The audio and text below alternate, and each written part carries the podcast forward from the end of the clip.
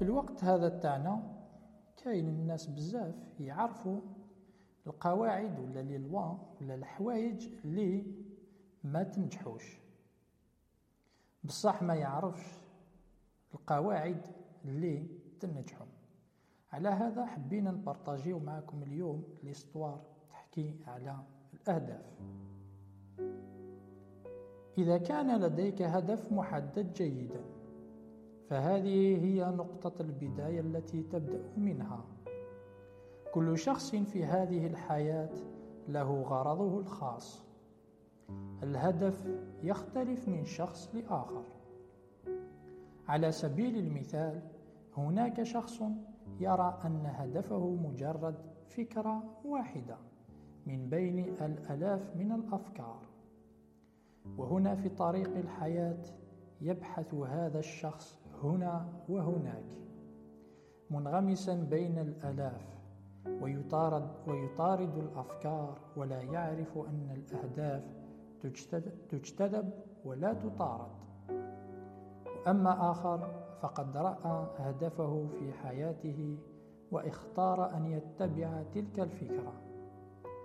لكن عاصفة الحياة أصابت سفينته وأخذت سفينته في اتجاه آخر. فهنا السماء تكلمت بصوت رقيق بضمير الغائب قائلة. كل مرة يقرع الباب يفتح له وإذ لم يفتح لا يغادر ولا يستسلم بسهولة. حدد هدفه وعلم أن سر النجاح هدفه هو الهدف المحدد جيدا. فهي تلك نقطة بداية وبداية الخيال لديه وقرر أن يأخذ الشيء المنشود حتى ولو كلفه ذلك حياته.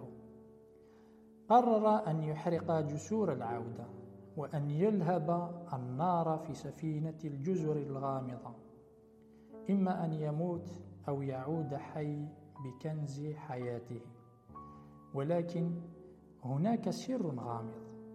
هوسه وحبه وفكرته السحرية استحوذت على عقله وروحه بالكامل بل وأكثر من هذا الشيء حياته الغالية. فقد وعد وقضى بالدم الحي فهو يعلم أن الدم هو الحياة. المغزى من كل هذا هو التوقف والتفكير.